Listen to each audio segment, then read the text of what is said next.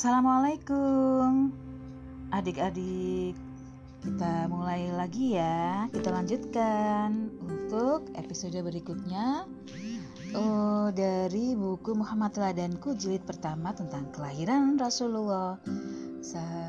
Sampai pada Tentang Abdul Muthalib Yaitu kakek Rasulullah Muhammad Sallallahu Alaihi Wasallam.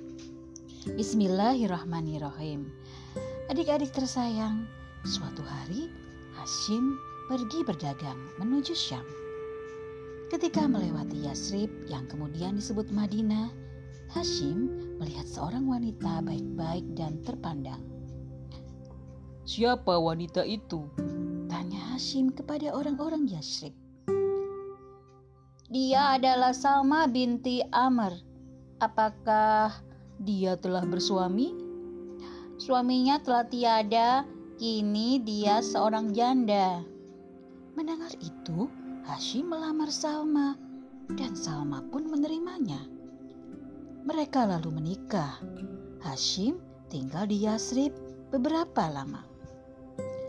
Ketika Salma mengandung, Hashim melanjutkan perniagaannya. Namun, itulah kali terakhir Salma melihat suaminya karena Hashim tidak pernah kembali lagi. Dia meninggal dunia di Palestina.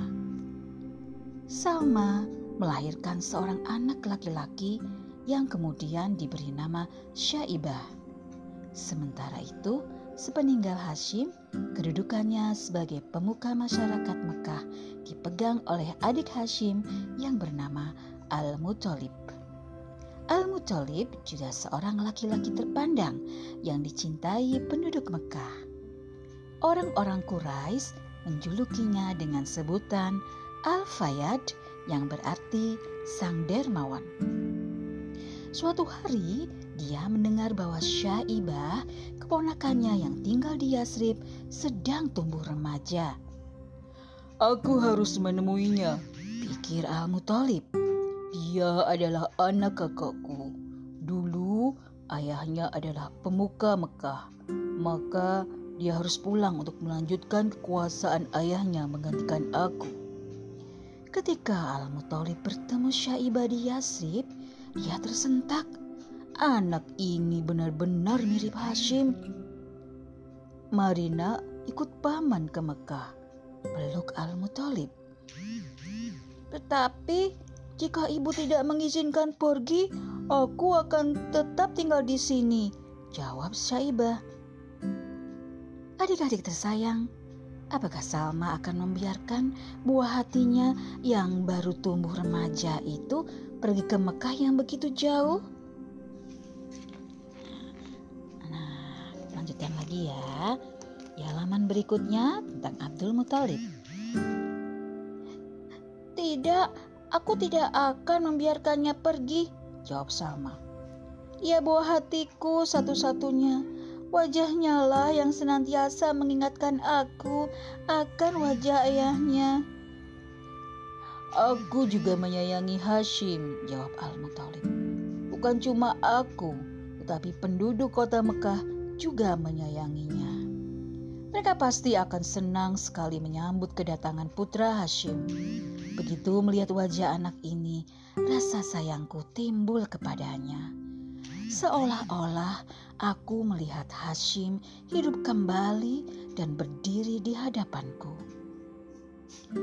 Izinkan aku membawanya pergi sama.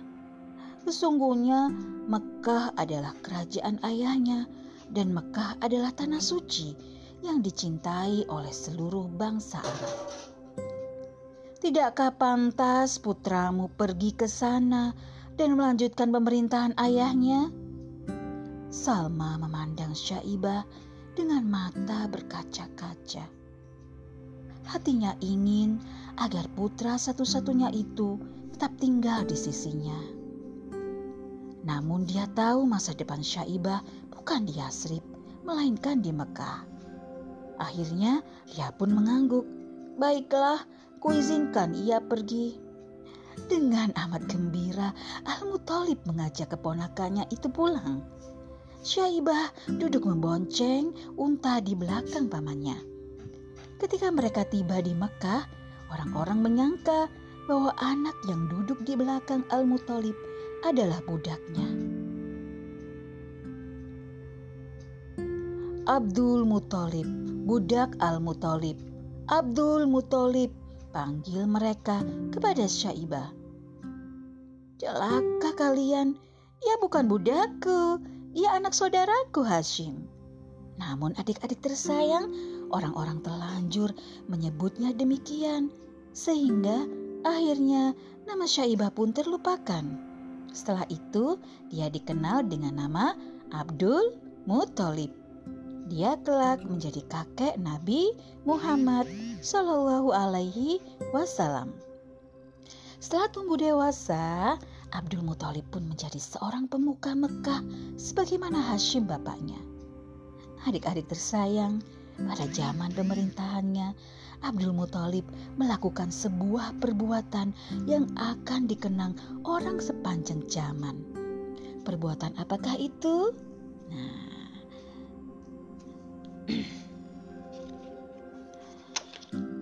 Syaibah Nama Syaibah diberikan ke karena ada rambut putih ya.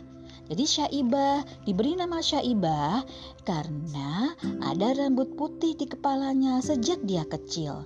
Selain Syaibah, Hashim telah memiliki empat putra dan lima putri yang tinggal di Mekah. Harta Abdul Muthalib Setelah Hashim meninggal, hartanya dikuasai oleh Naufal, adiknya yang terkecil. Ketika dewasa, Abdul Muthalib hendak meminta harta ayahnya, tetapi Naufal menolak. Abdul Muthalib pun meminta bantuan kerabat ibunya yang tinggal di Yasrib. Orang-orang Yasrib mengirimkan 80 pasukan berkuda. Naufal pun ketakutan dan menyerahkan harta Hashim kepada Abdul Muthalib. Demikian adik-adik kisah tentang nen kakek Rasulullah yaitu Abdul Muthalib ya.